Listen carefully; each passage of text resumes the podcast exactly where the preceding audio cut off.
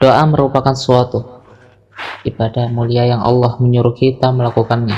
Kita hanya perlu mengangkat tangan, mengungkapkan apa yang kita inginkan kepada Allah. Karena dialah zat yang maha kaya, maha pemurah.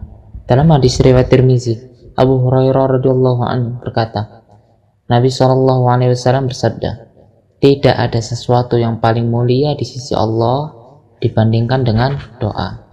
Nah, berdoalah kepada Allah mintalah segala sesuatu mulai dari hal yang besar hingga hal yang kecil. Sebagai contoh, ketika sandal kita putus, mungkin kita akan berpikir cuma, oh putus, beli saja.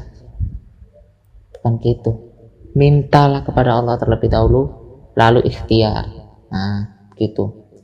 Dalam surah Kafir, Allah menyebutkan bahwa Allah berfirman, berdoalah kepada aku, akan aku kabulkan doa kalian Sungguh orang-orang yang menyombongkan diri karena enggan beribadah kepadaku akan kumasukkan ke dalam neraka jahanam dalam keadaan hina dina.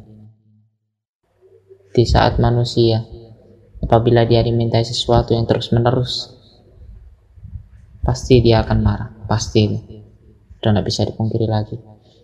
Tapi Allah Zat yang maha kaya, Zat yang maha mendengar, Zat yang maha melihat, Apabila kita tak meminta kepadanya, dia akan marah.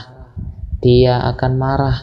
Tapi bila kita meminta kepadanya, mulai dari kecil-kecil sekali hingga hal yang besar, dia akan mengabulkan doa hamba-hambanya yang meminta kepadanya.